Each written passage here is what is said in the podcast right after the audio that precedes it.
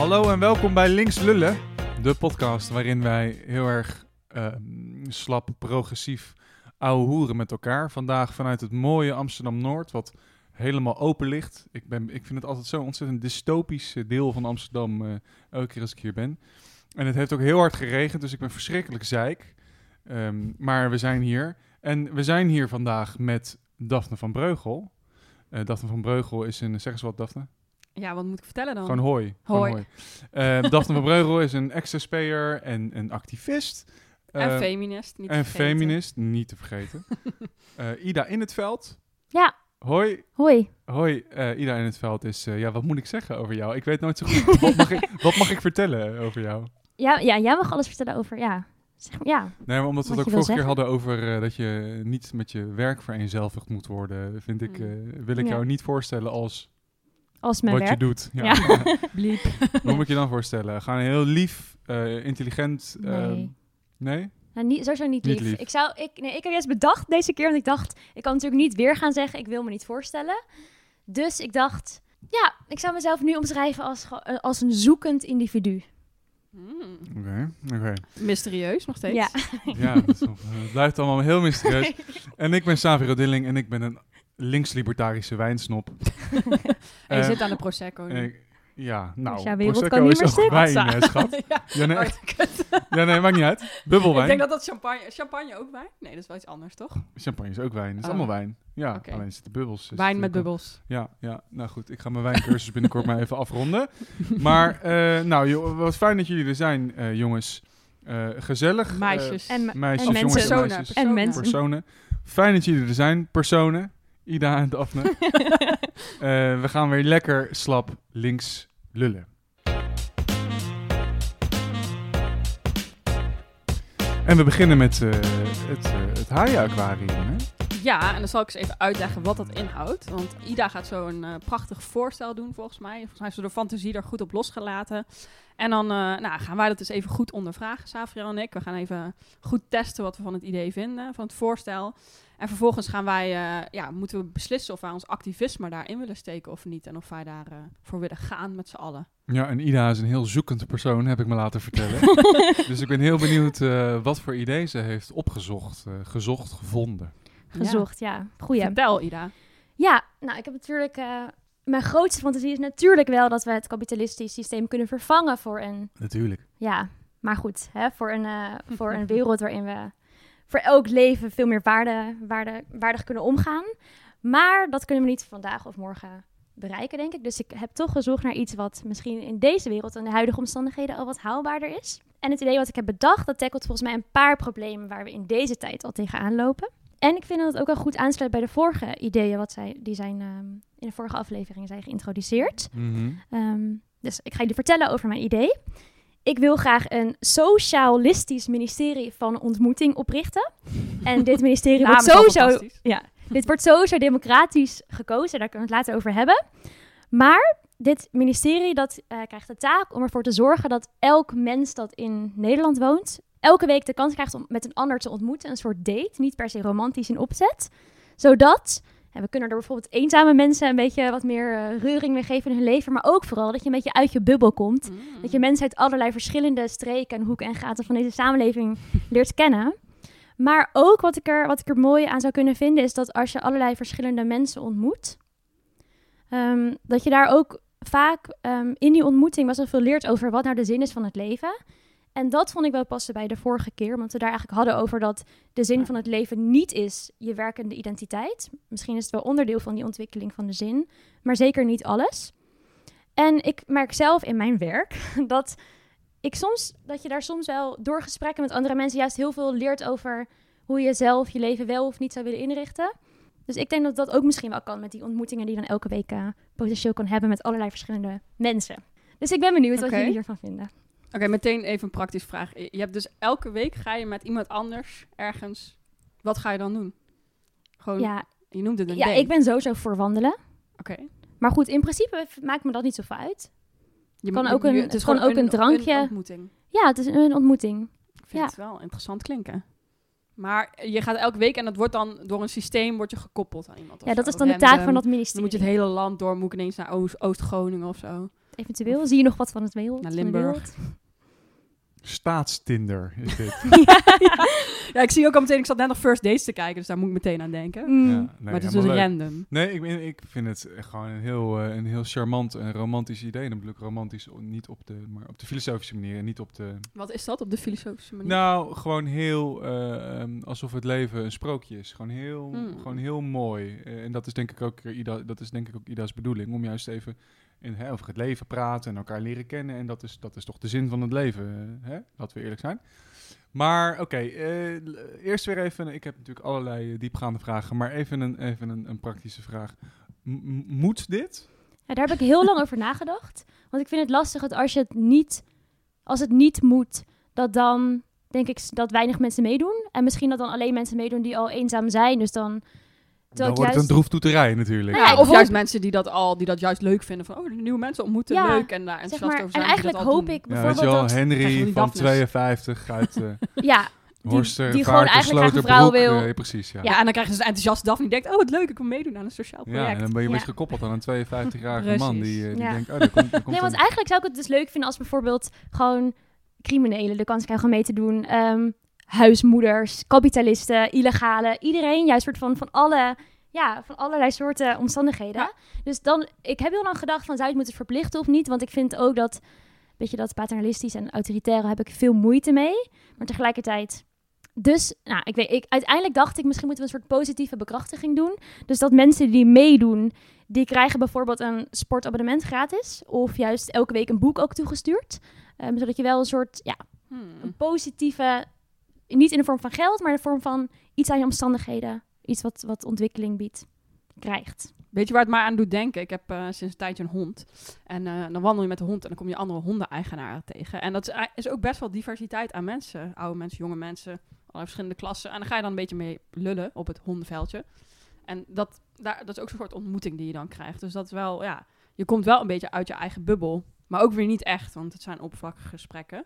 Dus je zou dan wel misschien een beetje moeten faciliteren dat mensen wat diepgaandere gesprekken een krijgen. soort van onderwerp meegeven. ja, van die, van die het, kaarten of eh, van die vraagjes. Nee, Ja. maar het is, ik denk dat het heel verstandig is om hier een ministerie aan te koppelen, inderdaad. Die gewoon allerlei campagnes uit kunnen zetten. En ik denk dat jouw idee van eh, de wortel in plaats van de stok, Ja. Dat dat, een heel, dat dat gewoon heel verstandig is. Hè? Ook omdat alle onderzoeken uitwijzen dat op die manier mensen motiveren gewoon veel verstandiger is. Dan gaan we het straks in mijn rubriek gaan we het daar nog over hebben. Ik ben benieuwd. Over Spannend. bepaalde CDA-persoon, maar dat terzijde.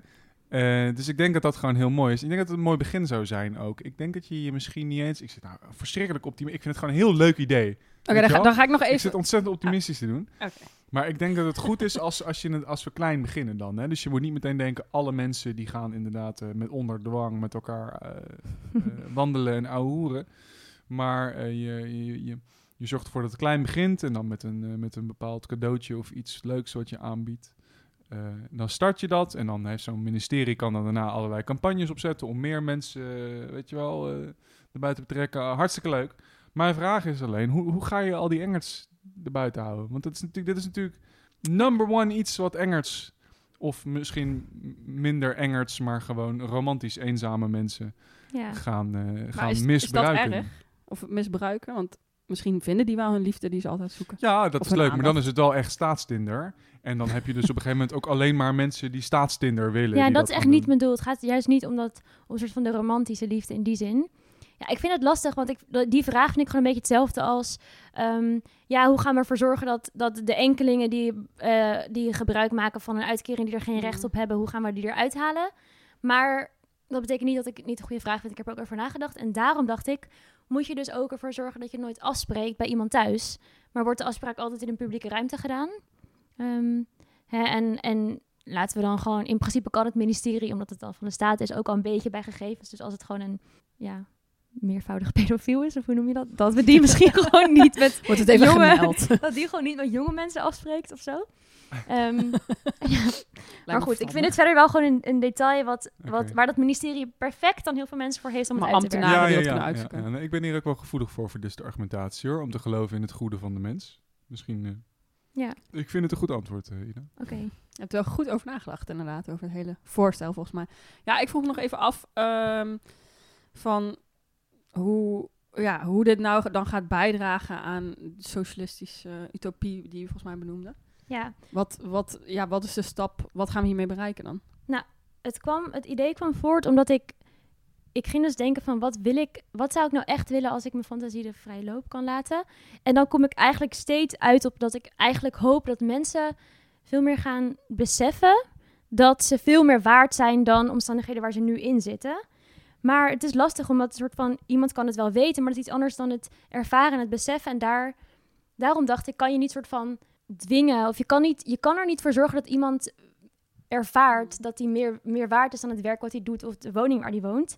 Dus toen dacht ik, voor mijzelf in mijn leven, momenten dat ik heel erg ervaar dat het leven om veel meer gaat dan dat, dat is wanneer ik echt een heel waardevol gesprek heb met iemand. Dus op die manier kwam ik erbij. En hoe draagt het dan bij aan socialisme?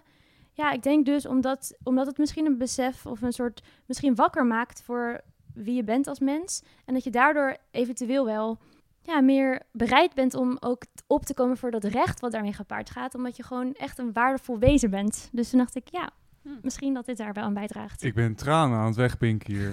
Oh, Nee, maar ik Jezus. vind het gewoon helemaal fantastisch. Eh, Ida in het veld voor, eh, voor MP, wat mij betreft. Nee, ja, ik... eh, eh, nee, gewoon, gewoon lekker. Gewoon nice. Ja, nou, ik volgens mij is heb nog wel een kritische vraag. Ja, hoor. leuk. Dat, Nee. eh, ja, Je ja, mag- eh, nee, jawel, nee, jawel. sorry. Gaan Nee, we wat- gewoon niet, Hoe gaan gaan we de gewoon niet mensen... stellen. Toen we het ook over hadden, want dit onderwerp, nou niet dit, ik vind het wel heel mooi, heel concreet gemaakt, dat is heel tof. Alleen zeg maar over die identiteit met werk had het ook over gehad, maar dat, ja, hoe ga je nu de mensen bereiken die dus hier inderdaad of in hun hoofd geen tijd, ruimte, geen geld voor hebben, die gewoon druk mee aan het werk zijn, kinderen voor de kinderen aan het zorgen zijn, die denken ja, ik ga niet aan zoiets meedoen, dat een liefst zoetsappig iets. En het liefst willen die mensen ook bereiken dat zij met iemand ontmoeten die buiten hun eigen wereld en juist dat gesprek aangaan. Nou, Daphne, dit is nou precies een vraag die we aan de ambtenaren van het ministerie van Ja. veel vertrouwen in de ambtenaren. Als Ja, eigenlijk als ontzettend veel. ex-ambtenaar. Ja, nee. Ja, en, en inderdaad, juist, je wil eigenlijk juist die mensen bereiken die heel druk zijn. Want Ja, druk zijn vind ik gewoon zoiets anti-mensheid of zo. ik, vind, ik heb er echt een hekel aan. Niet, dat Mhm. ik, niet dat ik nooit druk ben, maar in principe sowieso die hype omdat druk zijn soort van iets zegt over de waarde van je leven, kan ik echt opvreten. Maar dus ja, inderdaad, je wil juist ook die mensen bereiken. En hoe ga je dat doen? Ja, dat kan je niet meteen doen, denk ik. Maar uiteindelijk, door bijvoorbeeld wel iets te regelen met dat je daar vrij voor krijgt. Of het hoeft ook niet altijd iemand te zijn die vanuit Delftzijl naar Middelburg hoeft te gaan. Je kan Nee, je echt kan in je eigen stad hoe vaak praat je ook überhaupt met de, buurman, met de buurman of zo? Ja. Weet je van de buurman wat momenten waren in het leven die voor hem, ja, weet ik, een mystieke ervaring waren of iets, iets groots waren of zo? Ja, in die zin kun je inderdaad ontzettend veel van elkaar leren, denk ik, als je dat gesprek aangaat. Ja. Ja, heel erg. Ik bedenk me soms hoe extreem rechtse of gewoon hele rechtse mensen naar onze show luisteren. en ik vrees dat we ook met dit idee heel erg dat, eh, dat stereotype bevestigen. Welk stereotype? Het zoetsappig. eh, ja, maar gewoon, weet je, heb je van die linkse dingen die hebben eh, we we Ja, maar het-. Het Maar is, dat is, gewoon ook, dat is gewoon ook mooi. Dat is ook gewoon waar het om gaat. En uiteindelijk is gemeenschap denk ik ook heel belangrijk. Maar ja, het is gewoon die ontmoeting is denk ik wel echt heel belangrijk. En inderdaad, dat weer die waarden inzien en ook elkaar als mensen zien. Want wat je net zegt, vind ik heel typerend. Ik denk dat heel veel mensen dat hebben, dat je je buren niet eens kent. Misschien elkaar hooguit goed. En ik denk dat dat heel waardevol is. Ik heb eerst in een buurt gewoond waar best wel een hechte gemeenschap was. En dat is gewoon zoveel fijner. Dat je van elkaar op aan kan, dat je elkaar kent. Je voelt je veel eerder thuis. Je geeft eerder om je buurt. En ja. nou ja, volgens mij in de podcast waar we met Savia ook over hadden gehad, inderdaad. Dat je meer die gemeenschap hebt met elkaar. Ja, ja, ja. En moreel psychologisch gezien, ik ga nu over mijn werk praten, waar, eh, waar we hebben natuurlijk niet gezegd We wat zijn, het twee uur zijn nog niet voorbij. Oh ja, oh ja, shit. Oh ja, oh ja. Nee, maar moreel psychologisch gezien is het ook een hele sterke verbinder. ehm, dat, dat klein, klein gemeenschappelijke, dat, eh, dat heet in-group bias in de psychologie. Hm. En dat kan ook een heel negatief zijn, iets zijn als je op een grotere schaal gaat kijken. Maar op, op kleine schaal is dat een heel erg sterk iets, een heel verbindend iets. Het probleem is alleen, ik ben zelf ook in een heel klein dorpje opgegroeid. Hè, en best een hechte gemeenschap. Ehm, en dat kan ook heel, die sociale controle heeft een, echt een positieve kant, maar ook echt, echt een negatieve kant. Dus Ja, maar dit, met dit we moeten er voorstel denk ga ik ook niet... niet als linkse dingen te romantisch Nee. over doen. We moeten wel proberen het positieve van het negatieve te scheiden hoor. Van Mm. wat er fijn is aan eh, op elkaar letten. En, en, eh, Ja, dat is denk ik wel een heel goed punt. Want je wil ook niet, want je krijgt dan ook snel dat mensen buitengesloten of nou, ja, echt van die echte gemeenschap hebben ook wel nadelen. Maar ik denk met dit voorstel dat je niet per se natuurlijk een gemeenschap aan zich creëert, maar die ontmoeting en verbinding meer creëert, die misschien toch in de moderne tijd soms wel een beetje weg is of zo. Of misschien Ja. ook nooit geweest is, dat weet ik eigenlijk niet. Maar ehm, ja, dat je gewoon die ontmoeting wat meer creëert. En misschien komen daar wel meer gemeenschappen, meer buurt, meer betrokkenheid uit voort. Maar niet direct. Denk Dus ik, dat- ja, ja. ja. Maar goed, het kan, ook, eh, het kan ook enigszins negatief zijn. Maar misschien is het daarom juist goed om daar, eh, zeg ik dan eh, als eh, linkslibertariër, om daar een, eh, een, een, een, echt een, een, mysterie op te gooien. En, en dan kan je dat plannen. Maar ik vraag me af of het een goede manier is om je met je buren... Dat, Maar ik, dat, was een niet voorbeeld. Ik denk ook niet dat je alleen je buren of dat je om de beurt iedereen uit je straat. Nee, maar meer omdat Daphne zei toch? van het is natuurlijk lastig als je van de ene kant naar de andere kant van het land elke week moet. Dat hoeft niet. Ehm, omdat dus je, je vaak je buurman al niet kent. Dus het is niet dat je hoe verder, hoe meer, ehm, hoe dieper het gesprek. Maar Maar ik zit zeg, in een straat of in een stad ook al Ja. veel verschil qua mensen. ja, dus juist niet Maar dat je alleen maar je buur en, en het is ook niet dat je vervolgens eh, kerst samen moet vieren. Even in, in deze fase. mag, maar- mag. Ja. Mag wel, Mag maar ik bedoel, je, hebt gewoon een gesprek en daarna ga je wegen, wegen ook weer uit elkaar. Je hoeft er niet iets, een lang, een lang, je mag wel, maar het hoeft niet. Het gaat ook, ja, in die eerste ontmoeting kan er zoveel diepgang zijn. Ook als dat een beetje de opzet is en het, het hoeft niet, maar... Ja, ja. Of je belandt, eh, belandt als een romp in de, in de sloot. Maar, maar eh, nee, Dus, nee, leuk. Nee, dat moet, eh, moet kunnen inderdaad. En hartstikke mooi. En inderdaad lijkt me verstandig om dan niet... eh, dat je iemand uit Amsterdam-Noord, waar we nu zijn... hè, dat je helemaal door al die open wegen en al die, al die ijzeren hekken heen moet... om dan naar eh, Amsterdam-Zuid te fietsen... om, eh, om Door daar iemand te ontmoeten door de regen. Dat lijkt me gewoon heel vervelend. Maar inderdaad, je kan nog wel op een... eh, hè, weet ik voor iemand uit Oosten... die je dan Ja. in het centrum of... nou, weet je, dat, dat is allemaal... Ja, Dat is om allemaal prima. Ja, dat is allemaal prima te doen, denk ik. Dus ik vind het in de beginselen gewoon een goed idee. En ik denk dat het belangrijk is om inderdaad dat mensbeeld een beetje... Dat is denk ik ook een beetje jouw intentie, Ida. Om dat mensbeeld te veranderen wat we hebben.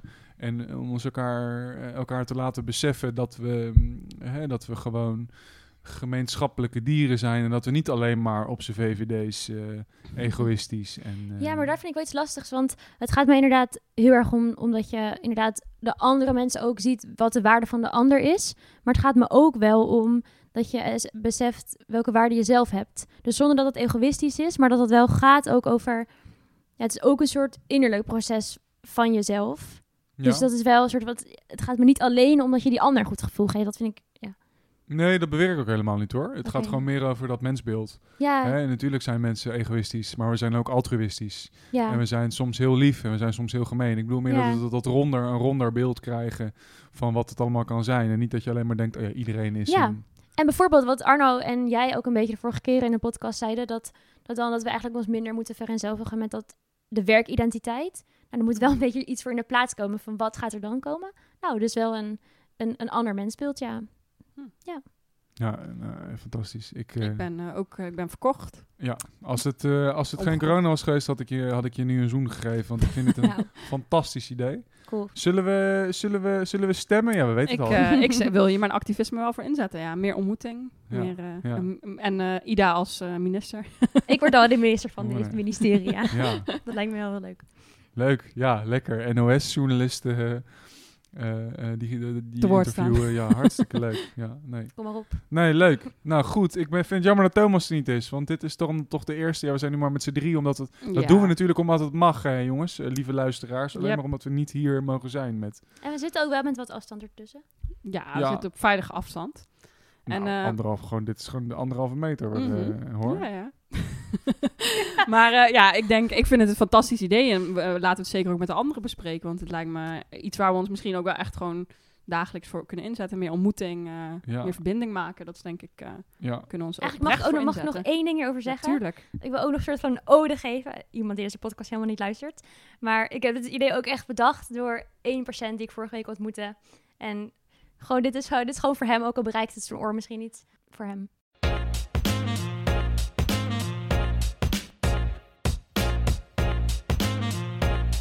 Fantastic. eh, want eh Daphne, jij wilde Ja. geloof ik weer iets eh, met ons bespreken. Ja, nou, net hadden we het nog allemaal over mooi mensbeeld en zo. Nou, en nu zit ik te denken met wie ik wel eens een gesprek zou willen hebben, maar ook weer helemaal niet, is met de koning. Want dat is toch ook iets raars in, onze, in, on- in ons land wat we hebben. En eh, nou ja, ik kan alvast meteen beginnen met dat ik heel erg tegen het koningshuis ben, tegen de koning, tegen de prinsessen, maar Zelfs als ex-SP'er. Ja, zelfs als ex-SP'er.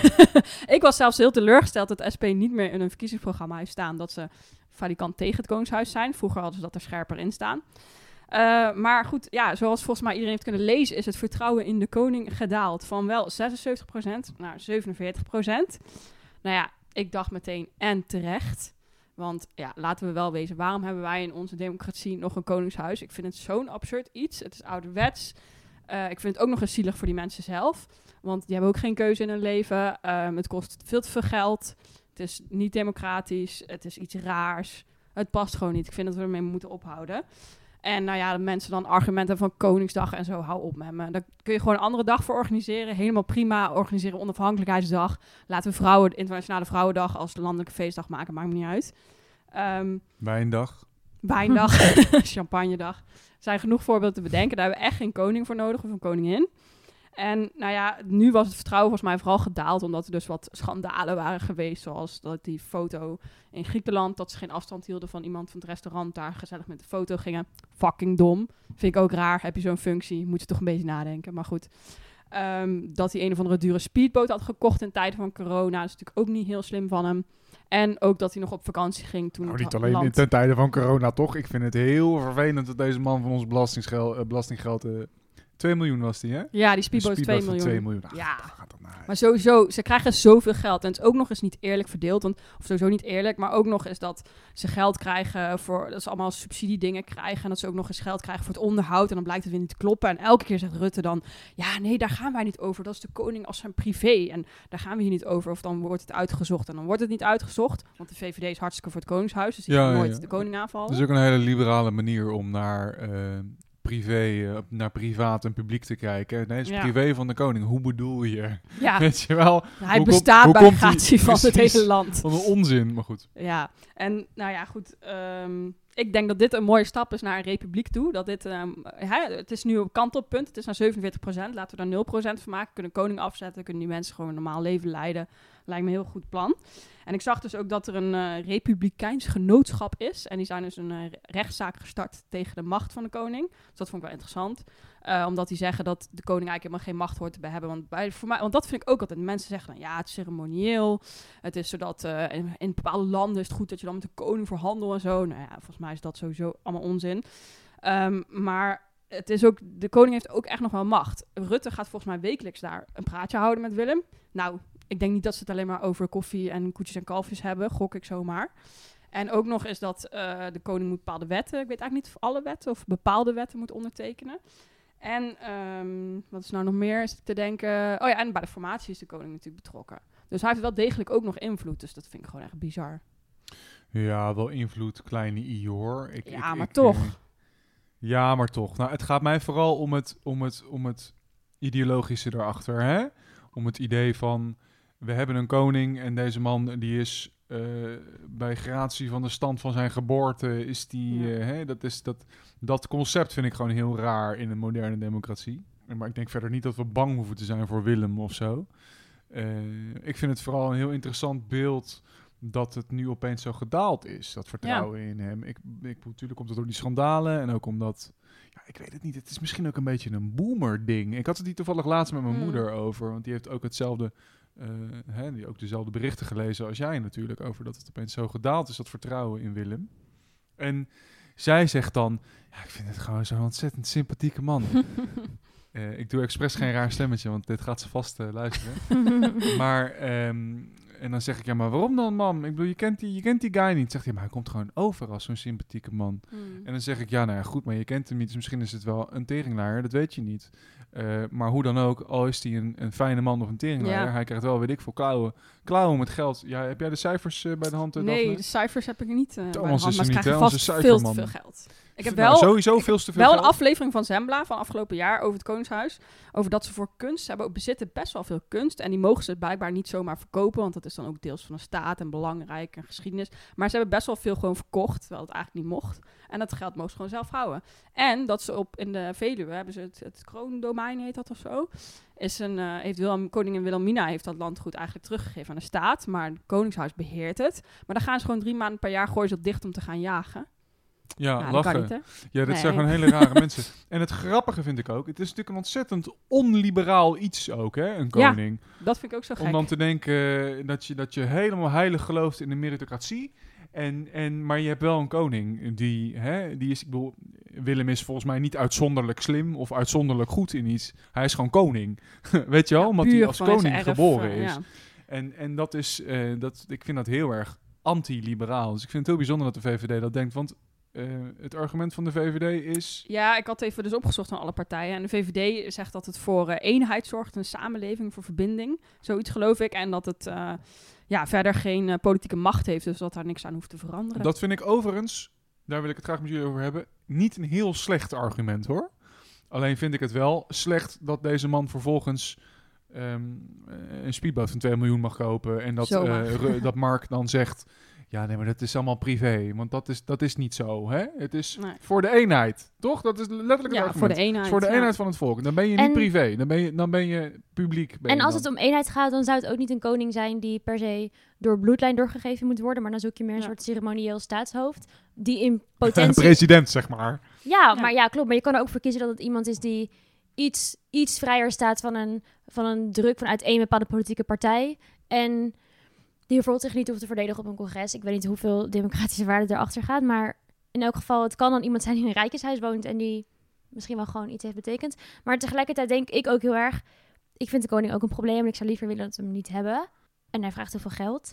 Maar ik, ik zie andere dingen die ik echt veel belangrijker vind. Dus ik vind soms ook een beetje dat het anti-koningshuis ook heel erg ja, hot is in de linkse wereld. Om daar altijd heel erg tegen te zijn. Ik ben er ook tegen. Maar ik vind het niet soort van iets echt kei zo. Ik denk altijd, ja, het, ik, ik vind hem kut. Ik vind gewoon vooral het geld er naartoe kut. Ik vind het verder misschien ook wel een sympathieke man. Het is in principe gewoon niet boeiend, want het kost heel veel geld.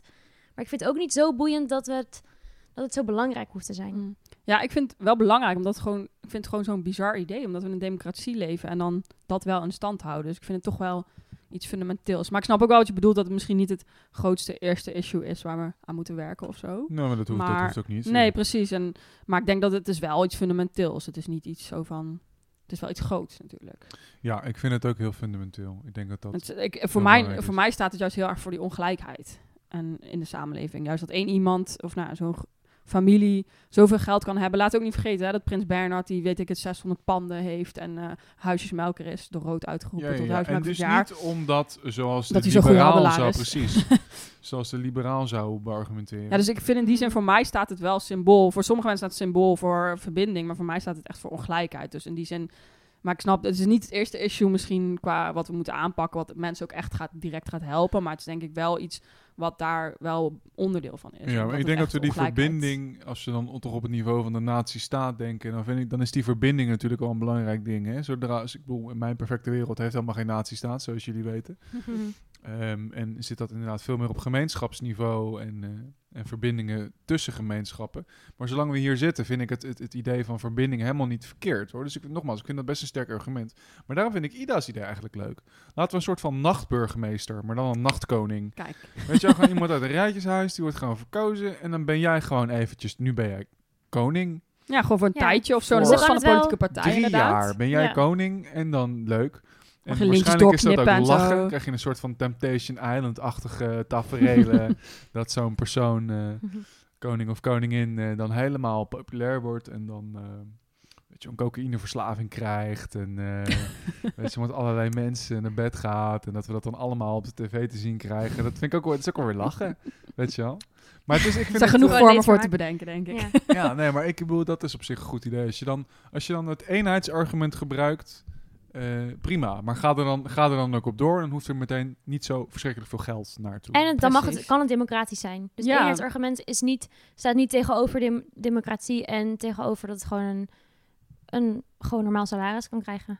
Ja. Na- nachtkoning. Ik zeg, dit, Nachtkoning. Ja, dus we hebben nu eigenlijk een tweede...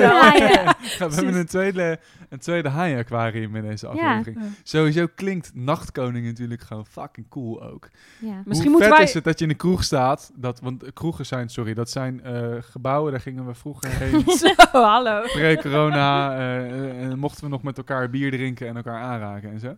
En dat je dan gewoon zegt, hey, ik ben, hey, ik ben die, ja, nee, ik ben nachtkoning. En doen we elk Ja. jaar een nachtkoningfeestje. Perfect. Dat is wel echt heel cool. Vet, toch? En dan wordt de verjaardag van die persoon wordt een Dat nationale wordt een feestdag. feest. Ja. Holy Fantastisch. shit! En dan- Dit is misschien wel het beste haai-aquarium. Yep. Het beste niet-haai-aquarium wat, wat ik ooit ik, heb ben, gehoord. ik ben voor. Maar ik vind dit gewoon het idee van Arjen Lubach, waarmee die groot is geworden. Van Farao-dag. Want ja, Farao. oh ja.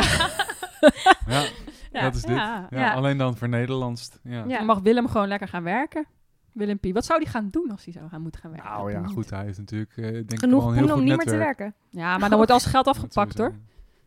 sowieso. En, eh, ik Maar nog ga, even ga jij het doen? Ga jij het Ja, doen? Zeker, zeker. Kijk, ik zit niet meer bij de SP, dus dan kan dat.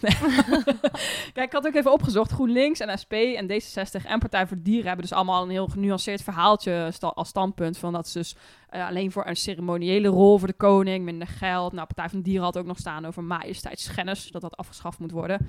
Want f- de koning mag je niet zeggen. Daar kan je een boete voor krijgen. Dus dit gaan we er mooi even We uitbliepen. zullen de straf Ja, op gaan we dat doen? of niet. ik ben toch echt de editor hier. Ik Oh weet ja, niet of we dat gaan doen hoor. Oké, oké. Nou ja, let's see. Eh, maar die hebben allemaal staan van hè, dat het inderdaad eh, een ceremoniële rol moet zijn. En uiteindelijk een paar partijen wel staan van dat ze uiteindelijk wel naar een republiek toe willen. Nou, VVD eh, is dus hartstikke voor de koning. CDA natuurlijk ook. Eh, SGP ook. En eh, Partij van de Arbeid kon ik niks over vinden. Dat vond ik wel interessant. Wel van vroeger, maar niet nu. Hebben ze daar geen standpunt over blijkbaar. Dus luisteraars als iemand van de Partij Heel van de Arbeid weet wat jullie vinden van de koning, hoor ik het graag.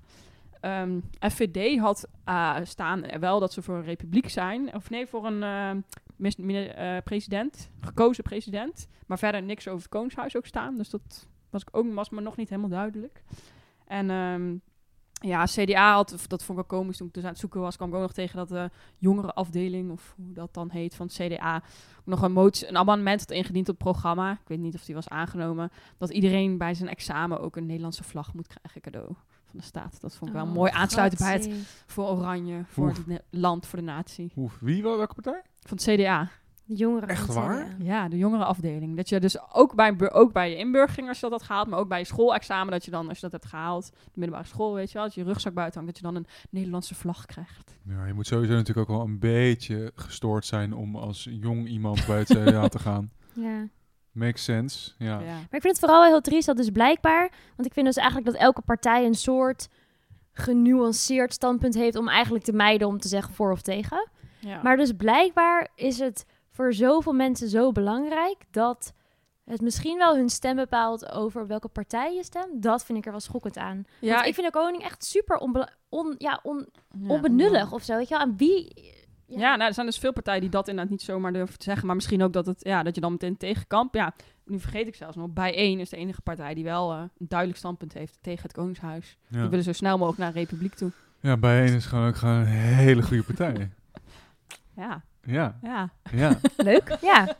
Maar Nou. goed, eh, ja, nee, ja. Dus dat, ja, dat was eigenlijk over de koning. Volgens mij zijn wij er wel over uit dat wij gewoon een nachtkoning willen. Ja. Dus dat vind ik Ja. een goed voorstel. ja. Misschien moeten wij dat Republikeinse genootschap... kan je dus eh, nog eh, ook petitie tekenen voor de rechtszaak die ze dus hebben gestart. Maar dat gaat echt enkel over de macht tegen de koning. Misschien moeten we even een ideetje bij hun droppen.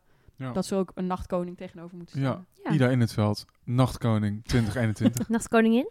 Nou, sorry, Hatsa. Nachtkoningin 2021. Misschien nee, we moeten wel een genderneutrale Ja. naam. Ja. Toch farao. Want dat is niet faraoin. Ja, Ja. ik weet niet hoor. Waar gaan we nog even over Ik broeden. heb over geen idee. naam. Ik moet natuurlijk, nee, ik weet niet. Zijn er ook vrouwelijke farao's geweest? Ik heb geen idee. Cleopatra? Ja, toch? Was zij farao? Geen idee, maar dat beeld heb ik gewoon. Dat beeld heb ik ook, maar ze was wel machtig. Eh, volgens, mij niet. Volgens mij niet. Nee, ik zit een, ik zit een ander woord eh, te bedenken.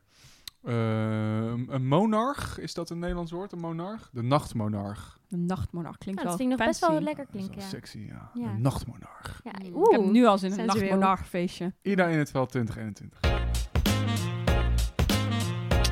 Yes. Oké, dan gaan we, ja, dan, ja, we gaan toch door naar onze rubriek eh eh, CDA. Oké. En vorige week was het, eh, wat was het, CD afvakkelen. Ik vind toch dat we nog een, eh, een, een die naam moeten we een beetje workshoppen, jongens. Ik weet niet. We Workshop. kunnen elke week ook een andere soort van eh, iets anders bedenken met deze. Ja, we moeten gaan, er moet iets leuks zijn. Ik bedoel, kijk, Mm. de, de- de intentie van de rubriek is, eh, uiteindelijk hoop ik dat het voor links lullen uitmondt in een, in een, in een hè, wekelijkse of een tweewekelijkse rubriek, waarin we gewoon een CDA uitzoeken en onderzoeken En precies alle manieren waarop deze persoon kut is, eventjes ehm, opnemen en op Spotify en, eh, en, en iTunes. Misschien kun jij even opzoeken wie dat idee dan bij de CDA van de jongeren had bedacht over die vlag. Die Nou, even, dit is wel een goeie voor misschien volgende afvakkelen. keer. Ja, nee, deze keer gaat het moeilijk. Maar goed, eh, nu, dat is uiteindelijk de bedoeling wat het gaat worden. En ik wil dat er ook een leuk titeltje bij zit. En ik vind CD Hmm. afvakkelen of CD, ah, vind ik toch helemaal niet. Dus ik, ik zat ook nog te denken in de trein onderweg, eh, voordat ik door eh, het eh, Amsterdam-Noord, wat open ligt, eh, door de regen, hierheen fietste. Oh, ben je door de ja, regen door Zat ik nog- Amsterdam? Ja, Oh, Goh, wat vervelend voor je, ja, dat is heel vervelend inderdaad. Ja. ja. Eh, dacht ik nog aan CD Haat. Hmm. Is die, nee? Is die niet leuk? CDA, leuker. Ja, wel? Maar dat vooral omdat ik het zo zeg waarschijnlijk. CDA. Ja. Ah! ja, maar goed, het is de beter. bedoeling uiteindelijk dat we dat gaan doen. We gaan een CDA onderzoeken en die gaan we dan eh, hè, uitleggen waarom die persoon en op welke manieren deze persoon verschrikkelijk is. Eh, heb ik niet gedaan deze week. Eh, maar ik wil wel heel graag met jullie. Ik ga, het gaat over Grapperhaus natuurlijk. Want Hmm. dat is mijn minst favoriete CDA-minister. Dat zegt wat. Daar wil ik het even met jullie over hebben. De vorige keer hebben we hem daar ook al heel even over gehad. En er er gaat nog een keer echt een diep onderzoek van mij komen onderzoek. hoor. Op, eh op Heeft hij leuk Instagram, Grapperhaus? Weet ik niet. Wat een goede vraag. even opzoeken. Heeft hij, ja, dat moet je doen. Heeft hij überhaupt... opzoeken. Vertel ondertussen verder. Ik denk het niet. Maar eh, zou kunnen. Maar goed, er is Heeft dus... hij leuke foto's van zijn bruiloft? Ja, nou. Die, die zijn sowieso dat zou overal te vinden wel op social waarderen of zo, weet je wel. Dat zou ik dan wel weer heel geestig van deze man vinden. Dan zou die punten bij me scoren. Maar nee, helaas. Ik vrees dat dat niet eh, aan de orde is. Maar er was recentelijk, en met recentelijk bedoel ik gisteren, ehm, een, een interview met deze meneer in het Parool. En dat vond ik nou een heel bijzonder interview. En ik wil erg graag met jullie. Ik ga een bepaalde citaten voorlezen van deze, van deze guy, van deze meneer. Ik ben gewoon, ik, ik- nou, ik vind het zo'n, ik vind het zo'n Even fascinerend. tussendoor, hij, hij doet wel wielrennen. Ja, natuurlijk doet hij wielrennen. Pluspunt voor Dat Grapperhaus. had ook niet anders 1-0. verwacht. Natuurlijk. Doet Vert Grapperhaus en Charmant. wielrennen. Ja, natuurlijk. En dan op met Instagram. net te strak pakje ook, weet je wel. Oef, ja. En ja. dan terwijl hij de bitterballen naar achteren harkt, heeft hij het dan over. Nou goed. Eh, dit interview dus. Ik ga hem natuurlijk niet helemaal vollezen, maar ehm, voorlezen. Maar het begon ehm, met zo'n flashy iets. En natuurlijk, hè, je gaat een minister interviewen. Dus dan moet je een soort van... Hij zat met zijn stropdas op zijn... eh, weet je zo. Ehm. Hij was net Oh, zijn ik iPad... eh, sorry, stom Ja, nee, maar maar, nee, doe maar. laatst heb ik gelezen eh, dat uit onderzoek blijkt dat iemand dat allemaal gevolgd dat vrouwen eh, in de politiek bijvoorbeeld of nou, met een bepaalde functie dat die veel vaker in huis dan worden geïnterviewd in een huiselijke setting en mannen veel vaker op kantoor. Nou, dat was deze keer dus ook. Ik was op kantoor en hij legde net zijn iPad weg, want hij had net vergaderd met allerlei mensen. Hartstikke, ik ben minister van Justitie en. Veiligheid. Je had gewoon onzin. En toen was hij aan het vertellen over dat er zoveel hulpverleners ehm, hè, slecht behandeld worden door Nederlanders recentelijk tegenwoordig. En dan zegt hij, er was zelfs een boa die een klap kreeg toen die iemand had gewezen op fietsen op de stoep. En dan denk ik, ja, weet je, ja, ik had ook niet als een soort van, hè, als dan een aspirant klassenverrader mij gaat vertellen dat ik niet op de, op de stoep mag fietsen. Ja, nou goed, ik had nog geen klap gegeven, maar dat, dat is natuurlijk een beetje vervelend. Maar goed, maakt niet uit. En de volgende is dat een eh, brandweerman was gehinderd bij blussen. Ja, dat is natuurlijk verschrikkelijk, dat vind ik ook. Maar ik vind die distinctie tussen BOA en brandweerman, vind, die moeten we denk ik meer leggen. Het zijn allebei hulpverleners, maar eh, weet je wel, eentje is een aspirant klassenverrader en de ander niet. Eh, Hmm, eh, Wezenlijk eh, verschil. dat is één. En dan zegt die journalist, die vraagt dan van... Hey yo, over de jaarswisseling. Wij zijn ontzettend bang. Hè, dat is een beetje het beeld. Dat het, eh, dat het een ontzettende puinhoop wordt. Dat het gewoon verschrikkelijk slecht gaat in coronatijd. En je mag geen vuurwerk afsteken. Hè, je mag eh, niet op straat met elkaar knuffelen. Je, geen muziek. Geen, nou goed, geen Ja. feestjes. Ehm, en dan zegt hij... De politie gaat draaien op dubbele inzet. En we gaan lik op stuk geven. Zo. Wat, wat is lik op stuk? Dat is dat je meteen wordt eh dat is vervolgd en beboet, toch? Ja, dat is een, nou, het is een, een boomer-idioom. Lik, lik, lik op Dat heb stuk ik ooit bij betekent maatschappelijk maatschappijleer Gewoon, geleerd. gewoon hard. Ze zijn gewoon hard. Ze gaan gewoon straffen. Weet je wel? Ehm, Het idee is dat je dan meteen, normaal zit er best wel lang tussen voordat je dan vervolgd wordt, geloof ik, als je iets... nou, nee, krijgt, dat is niet wat hij impliceert. Oh, wat stuk, impliceert dus is je gewoon, meteen- is gewoon wat er nu gebeurt, ook in de media. Dat politieagenten, die, mogen, die trekken gewoon hun dienstwapen. Hè? En die zijn gewoon hard. Dus Doe gewoon lief tegen de politie. En ik vind het zo karakteriserend voor deze man. Want dit is echt Ja. een soort van bijna republikeinse law and order iemand. Ja. Gewoon, dit is de wet. En dan moet je volgen. En dat is precies tegenovergestelde van wat jij over, over de wortel, over dat je iemand iets biedt. is tegenovergestelde. Deze man is alleen maar bezig met straffen. Terwijl, nogmaals, alle gedragspsychologische en, eh, sorry, psychologische en gedragseconomische onderzoek wijst uit dat de wortel, belonen, veel meer effect heeft dan straffen. En, en ik vind het zo bijzonder dat onze minister van Justitie en Veiligheid nog nooit een onderzoekje heeft gelezen. Vind ik gewoon zo raar. En weet je, hij zegt later in het interview, zegt hij dan ook van ja, ehm, of we krijgen een heel repressieve eh, politie, zoals in coronatijd heb gezien in Spanje. Daar heb je de. Guardia Civil en de agenten geven je gewoon een enorm harde schop als je iets flikt. Dat zien we de politie hier gelukkig niet doen. Dan denk ik, hoe bedoel je of? Weet je, Huh? hè? Ik vind het zo, zo Wat bedoelt hij zo van, oh, als we ons niet gedragen, gaan we dat ook doen? Of? Nou, ik bedoel, eh, hij, wat hij zegt is, je hebt twee keuzes. Het gaat hier trouwens over, over drugs, hoor. Dat, dat ga ik, eh, dat ga, Mm. daar ga ik het zo over hebben. Oké. Maar hij, hij, wat hij dus eigenlijk zegt is, ja, of je gedraagt je, normen en waarden, of we krijgen een repressieve po- politie, hè? Heftig. Pas op. Ja, sorry, ik vind dat, ik vind dat heel eng. Ik vind dat Mhm. gewoon heel eng als die minister van Justitie en Veiligheid dat Ja, zegt. want het is ook erg alleen aan hem of zo. Wat geeft hem het recht om dat te bepalen? ja, nou ja. Mag je eh, dat als Ik weet niet, eh, normen en waarden. Kijk, hij heeft het er zelf over, hè? Hij gaat het dan, eh, die journalist die vraagt dan van, ja, maar hoe verklaart u dat dan? Dat hulpverleners Ja. steeds meer Dus worden. hè? even naar de En- oorzaak van het probleem kijken. En dat er in de, in de Schilderswijk eh, dingen in de fik worden gestoken. en Nou, mensen de- zijn onrustig in omdat ze niks goed, mogen. Wat zeg je? Nou ja, dat vind ik ook wel interessant. Dus in Veen laatst deden ze is- is een aantal nachten al worden auto's in brand gestoken. Mensen die eh, ook hulpverleners belagen en zo. Eh, maar er wordt even wel anders geframed in media dan toen er in de Schilderswijk Ja, ik heb het gezien. was. Ja, ja dat, Dus- is, eh, dat is hartstikke droevig. Ja. Leuk eh, daarover gesproken. Hij zegt dan ook, eh, het, is we- het is behelpen, maar we hebben nog heel veel welvaart. Als je nu in Afrika woont met corona, dan heb je geen NOW-steunpakket, hè? Zegt hij. Gast. Weet je wel, ten eerste alsof dat NOW-steunpakket... Nou goed, ik vind dat, dat is weer Ja. een heel ander verhaal hoor. Ik heb daar een artikel over geschreven trouwens. Eh, Dat staat op bijnaderinzien.nl. Dat is een Oh. popfilosofisch blog over solidariteit eh, in coronatijd van de overheid. Mm. Moet je, moet je maar eens lezen. als Zetten we even in de show note. op het internet zit. Maar, maar dat terzijde. eh hè, die journalist die vraagt dus van... hoe verklaar je dat dan, dat dat gebeurt? Ja. En dan zegt hij... Ik ga dit wel volledig voorlezen. Ik kan dat niet goed verklaren.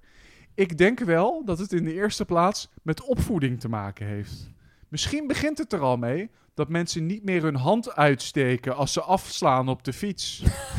en het eindigt bij de normalisering van drugs. Nee. Dat mensen uit heel gewone gezinnen soms de dealers zijn van hun vriendengroep. Als het gaat om pilletjes en een snuif. Nee. De Coke Express brengt het op de bad- bakfiets rond in Amsterdam. Het is allemaal normvervaging. Nee, hou op met me. Dus omdat je niet je hand uitsteekt bij het afstaan. En is deze man, waar woont deze man? Niet in Amsterdam. Ja, denk maar ik. dit is, dit is nou, dat denk ik niet. Nee, die woont in hoedje Horster, Broeker, Lutjes eh, meer, weet je wel. Maar, maar dat terzijde. Het is gewoon zo raar. Ik- dus, dit is op meerdere manieren is dit verkeerd natuurlijk, hè. Ten eerste is het raar om te denken dat het van je hand niet uitsteken naar drugsdealer gaat. Ja, wauw. Dat vind ik al een hele rare argumentatieve sprong om te maken. Dat vind ik echt Mhm. bizar, sorry. Maar ten tweede vind ik het ook zo raar dat hij dan zegt, ja, die snuif en, die, en dat pilletje, dat dat over normen gaat. Maar hoezo, wat heeft dat ook te maken met hulpverleners belagen? Dat is toch ook Nou iets ja, totaal nou ja, anders? Nee, ja, absoluut. Maar dat is die rare sprong die hij maakt. Van, Ja. oh ja, hulpverleners. En dan begin met je hand uitsteken. En dan ga je daarna hulpverleners in elkaar staan. En dan ga je daarna kooksnuiven. het vind begint het- allemaal bij de drugs. Het begint allemaal... Nou goed, begin Begint al bij je hand uitslaan. Yes. Daar begint het. Maar ik vind dat, dat, dat zijn de twee, de twee fouten die hij maakt. Is dat dat iets te maken heeft met opvoeding. En, en, en ook dat je dan weer als minister van Justitie en Veiligheid nul verantwoordelijkheid neemt over... Weet je wel, wat er dan aan ten grondslag ligt? Ja. Waarom, doen, waarom zijn mensen onrustig? Mm. Waarom vinden mensen dit moeilijk? Ja. Dat is denk ik niet omdat ze niet opgevoed zijn om een hand uit te steken tijdens het fietsen hoor. Denk ik hoor. Denk ik. Sorry. Ja, ik ben geen minister. Verkeerslessen moeten toch beter, blijkbaar. Ja, weet je, maar dat, het is zo en het is zo weer van dat straffen, van die andere kant. Van Ja. mensen die moeten gewoon, je moet gewoon maar ook niet luisteren. maatschappelijke Anders problemen krijg je een boete. Weet je wel van, hè? Doe even niet zo ontzettend dom. En, en dat tweede vind ik, vind ik dat hele drugsverhaal, dat hij daar, dat hij daar normen aan, aan verbindt. Zo van, het is normatief, dus het is moreel verkeerd om drugs te nemen. En ik zou zo graag een keertje, was een, een tijdje terug bij Zomergasten was er een minister. Of ik weet niet eens, ja, god, het is echt lang geleden. Ik weet niet eens meer of het een minister was, maar het was in ieder geval iemand die iets met drugsbeleid te maken had. en en eh, die werd ook de vraag gesteld van, ja, maar waarom alcohol dan niet? Weet je wel? Ja. En die moest daar heel lang over nadenken. En daarna zei hij, ja, nou, als je andere mensen schade berokkent, dan, eh, hè, dan gaat het verkeerd. Maar verder moet iedereen doen wat hij wil. Maar als je andere mensen schade Maar dat kan je met alcohol op toch net zo goed doen. Maar dat moet, nou sterker nog, ik weet niet of jij ooit op een feestje bent geweest waar iedereen een pilletje heeft genomen. Maar dan wordt er echt niet gevochten hoor. Nee, mensen En met als alcohol op iedereen wel. helemaal aan de zuip is, dan zeker wel. Ja, en kijk hoeveel auto-ongelukken gebeuren er wel niet eh, met mensen met alcohol op. Nou, ja, nou goed, ik Maar vraag goed, niet alsof dat af of je met een maar- pilletje op wel goed kan uitrijden. dat er zijn. Maar, Helpt Maar- ook wel dan? Nee, ook niet. Nee, nee, zeker niet. Maar ik vind, ik vind het goed, eh, we kunnen heel erg eh, de feiten gaan eh, onderzoeken. Maar het gaat mij vooral om dat hele normatieve Ja. erachter. Dat hij heel erg het gevoel heeft, er is iets inherents slecht aan die pil en die snuif. Hmm. Ongeacht wat het te maken heeft met eh, wat er in Colombia aan verschrikkelijk bloedvergieten met, met de cocaïne gebeurt. En dat is allemaal waar. En de, eh, de klimaatproblemen die we hebben van het, eh, hoe noem je dat, het vuil wat van de, dat chemisch afval. het chemisch van afval wat van de, van de ja, Nederlandse en dat is, dat is allemaal waar, maar dat gebeurt bij gratie van de illegaliteit. Hè? Als dat allemaal legaal Mhm. zou worden gemaakt, dan is dat natuurlijk een heel ander verhaal.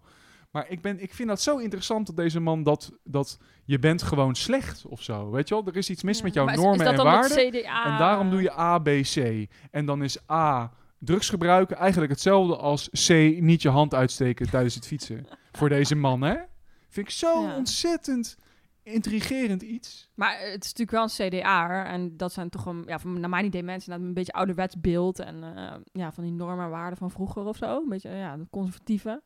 Dus daar past het dan wel bij, toch? Ja, ja, maar dan alsnog zou ik graag willen weten. Want ik vind het heel. Ja. Als, voor, als minister moet je volgens mij een beetje pragmatisch zijn, toch? Moet je een beetje een consequentialist zijn. Moet het gaan om de uitkomst van een beleidsvoorstel of wh- whatever. Ja. En dan vind ik het gewoon heel raar dat jij denkt dat mensen die hun hand niet uitsteken, in, dat er daar iets mis mee is. En niet dat het uiteindelijk gaat omdat er minder ongelukken gebeuren op de weg als jij je hand uitsteekt op de fiets. Dat vind ik, dat vind ik een hele rare kronkel. Snap je wat ik bedoel? Ik snap heel goed wat je bedoelt.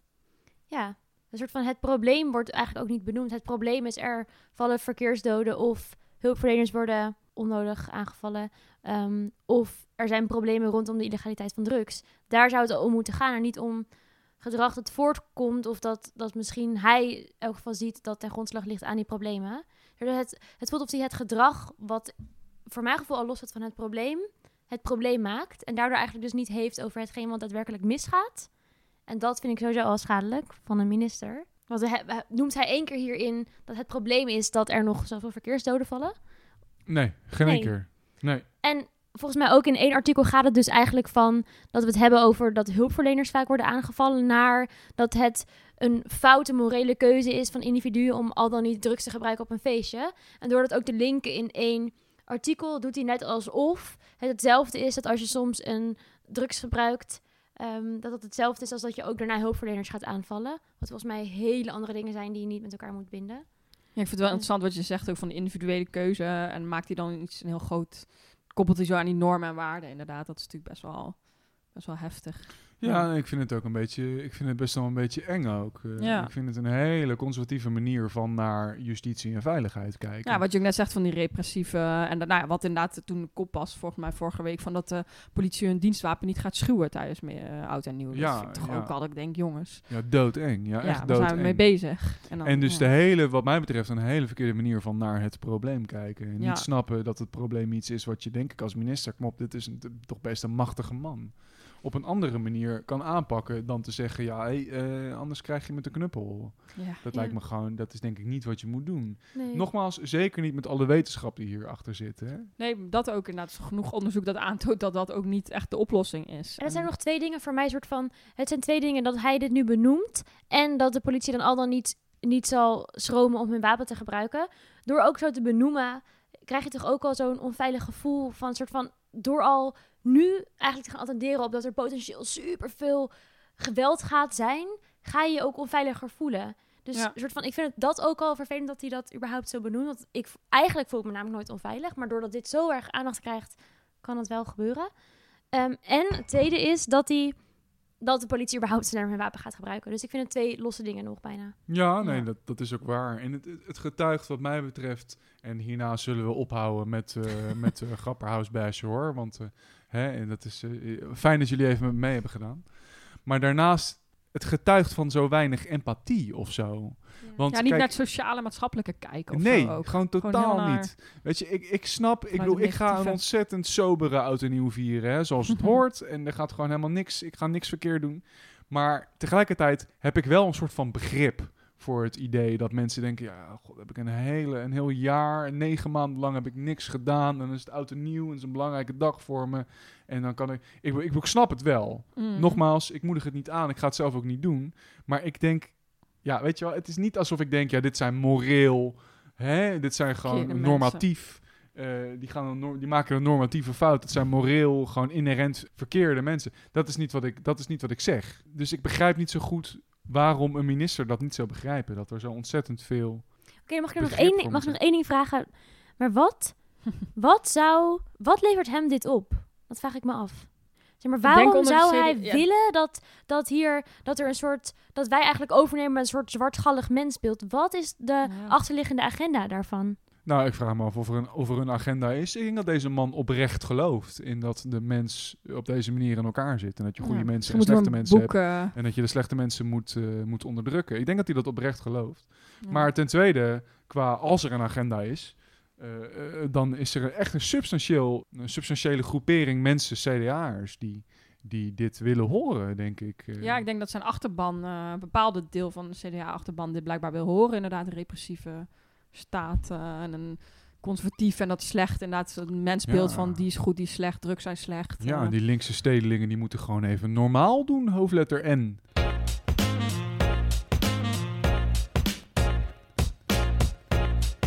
ja.